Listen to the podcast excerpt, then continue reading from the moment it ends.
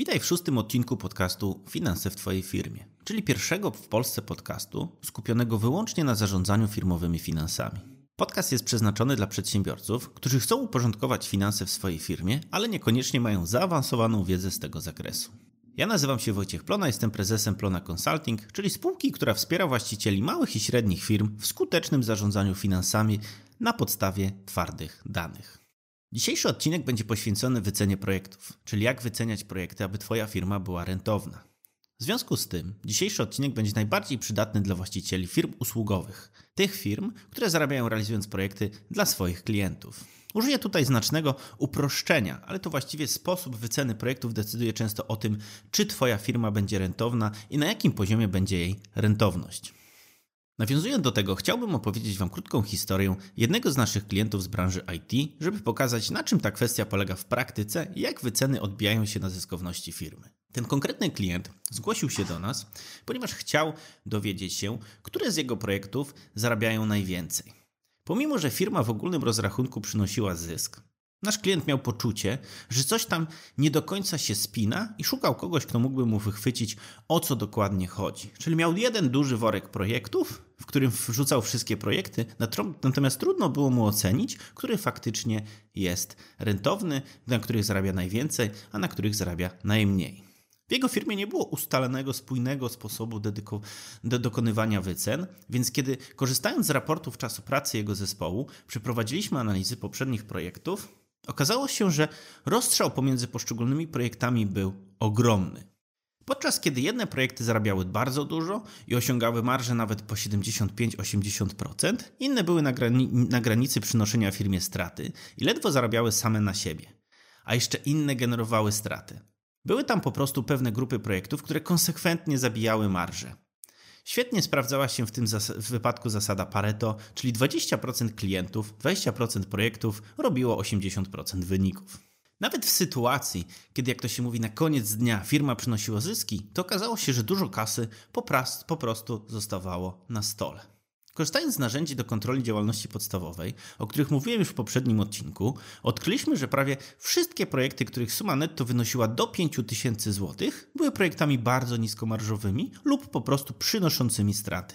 Ze względu na to, ile było dookoła na nich pracy administracyjnej oraz ile wymagało zarządzanie nimi pracy i wiele, wiele innych rzeczy, które po prostu wymagały pracy, czy to administracyjnej, czy wejścia w projekt, czyli takich rzeczy, które są szczególnie trudne na początku albo czasochłonne na początku projektu. Czyli mamy sytuację, kiedy firma poświęca masę czasu swoich pracowników na realizację projektów, które praktycznie nie przynoszą jej zysku i które sprawiają, że jej pracownicy są przytłoczeni ilością prowadzonych jednocześnie projektów. No i coś trzeba było z tym zrobić. Mając twarde dane, właściciele podjęli świadomą decyzję, aby zmienić sposób wyceny takich projektów, dodając do nich m.in. koszty administracji i zarządzania. Klienci przestali od nich tak chętnie kupować te usługi, więc przychody firmy spadły, ale co ważne, ich, ich marża wzrosła, ich sumaryczna marża wzrosła. Czyli realizując mniej projektów, właściciele firmy zarabiali więcej. To z kolei udało zespołowi produkcyjnemu przestrzeń na dowożenie efektów większym klientów oraz zespołowi sprzedażowemu na szukanie tych większych, bardziej rentownych zleceń. I tu trochę ironizując spytam, kto z nas nie chciałby pracować mniej i jednocześnie więcej zarabiać? Myślę, że odpowiedź jest oczywista. Dla jasności, nie mówię oczywiście, że zawsze odrzucać małe projekty, natomiast skala i sytuacja tej firmy sprawiły, że właśnie te najmniejsze zlecenia nie opłacały im się i blokowały ich rozwój.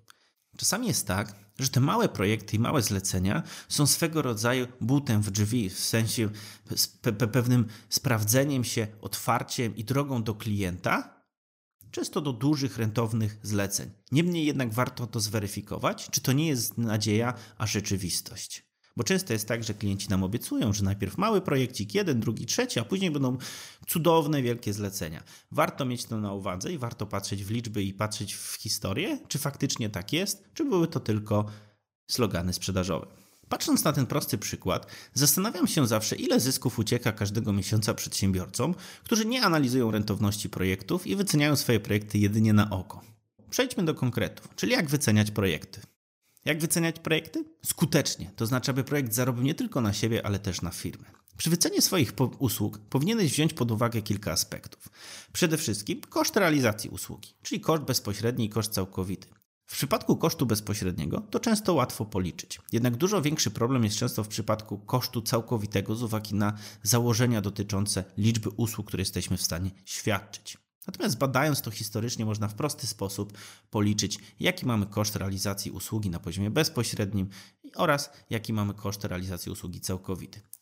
Następny, drugim aspektem są ceny konkurencji, czyli ile oferują za podobne usługi Twoi konkurenci. Jest to szczególnie ważne, kiedy moż, usługi można do siebie porównać, na przykład poprzez wykon sposób wykonania, efekt. Jeżeli usługi są mocno zróżnicowane, to klientowi trudno często jest to porównywać.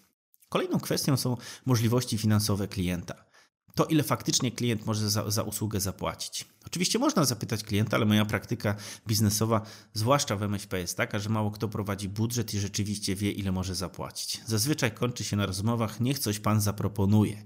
Jeden z moich klientów notorycznie sprawdza możliwości finansowe swojej grupy docelowej, oferując w 1 na 10 przypadkach w sprzedaży stawkę około 10-20% wyższą. Dzięki temu potrafił podnieść ceny około 60% w skali roku. Nie zawsze jest to możliwe, jednak w tym przypadku wymagało to też zmiany rodzaju klienta. Kolejną kwestią jest czas dostarczenia usługi. Czasami niektórzy klienci są w stanie zapłacić więcej za realizację usługi od razu lub w momencie, kiedy jej rozpoczęcie jest określone w określonym, szybkim terminie. Kolejną kwestią, na którą warto zwrócić uwagę, jest wartość, jaka jest generowana dla klienta. Jeżeli na przykład nasz klient zaoszczędzi 100 tysięcy złotych, to za część tej kwoty, może, tej kwoty może przeznaczyć na nasze wynagrodzenie. Mając te kilka aspektów i perspektyw, na co zwracać uwagę, pragnę skupić się teraz na tej kluczowej części, czyli koszcie realizacji. Tak naprawdę jest on fundamentem każdej wyceny. W końcu nikt nie prowadzi biznesu po to, aby sprzedawać produkty i usługi poniżej kosztu zakupu lub realizacji i generować straty. Najprostszą formą wyceny usługi w oparciu o koszty to podzielenie wszystkich kosztów na liczbę usług. Tutaj warto jednak spojrzeć na sezonowość, na urlopy i efektywność naszych pracowników. Zresztą o, zresztą o stawkach będę jeszcze opowiadał. Koszty można przeliczać na poszczególne usługi lub na godziny. Na przykład mamy firmę usługową, która ma 50 tysięcy kosztów miesięcznie i na przykład świadczy 50 usług miesięcznie. Wówczas jej koszt koszt tej jednej usługi wynosi 1000 zł. Lub mając te 50 tysięcy kosztów, dysponuje 1250 godzin pracowników miesięcznie i wówczas koszt jednej godziny wyniesie 40 zł.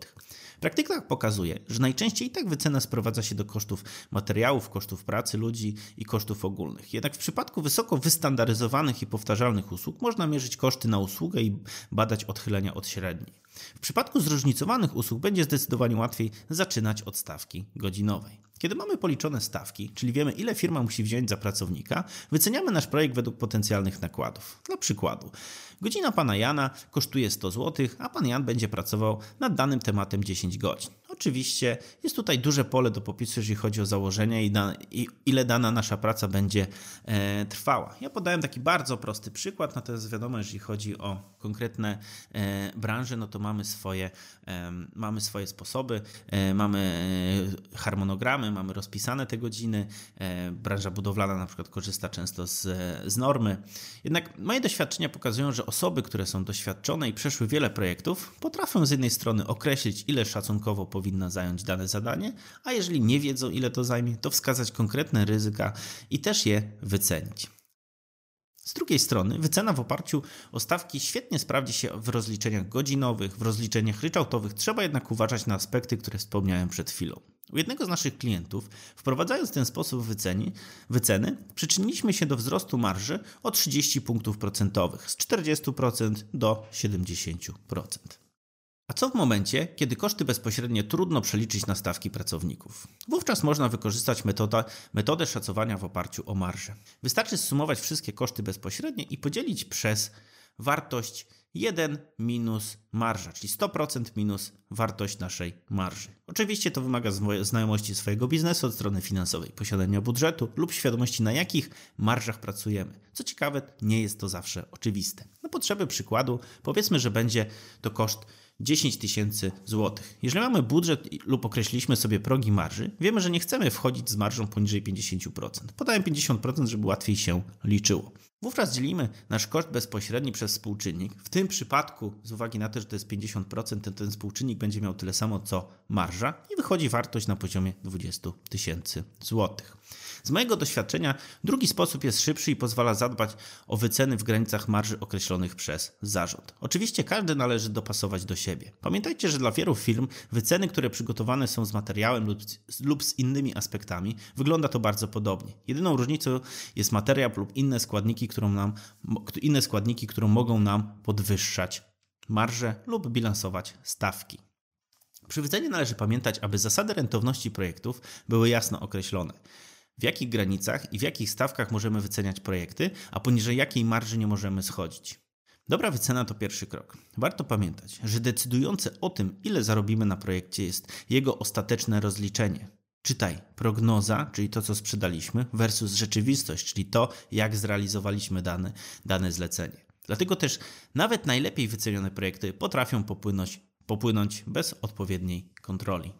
W jaki sposób można uniknąć sytuacji, w której projekty popłyną, to przede wszystkim na bieżąco je kontrolować. Wystarczy spotykać się raz na tydzień i patrzeć, jak nasze wyceny i jak nasza realizacja ma się do tego, co zostało sprzedane.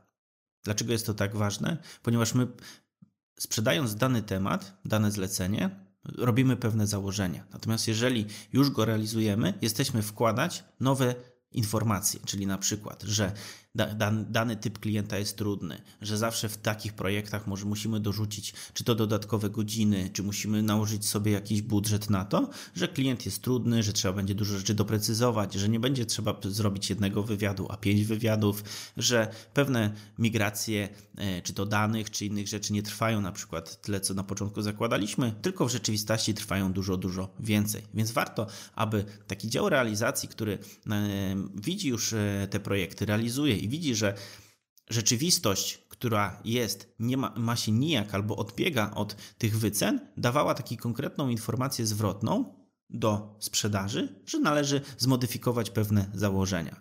Często jest też tak, że w niektórych firmach przy wycenie są osoby merytoryczne, najbardziej te doświadczone, które już teraz na poziomie wyceny są w stanie zidentyfikować ryzyko, zweryfikować ile co zajmuje, są mocno związane z produkcją, czyli dokładnie wiedzą, produkcją rozumianą jako działalność operacyjną, są z, dokładnie wiedzą, jakie są problemy, jakie są projekty, jakie są ostatnie niedoskonałości, które wyszły w, w relacji e, wycena projektu a rzeczywistość i mogą na bieżąco do, y, udoskonalać proces e, wyceny.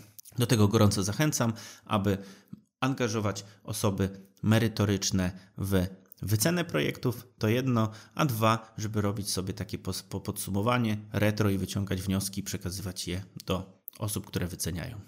Podsumowując, to w jaki sposób wyceniasz projekty może stanowić różnicę między zyskiem a stratą.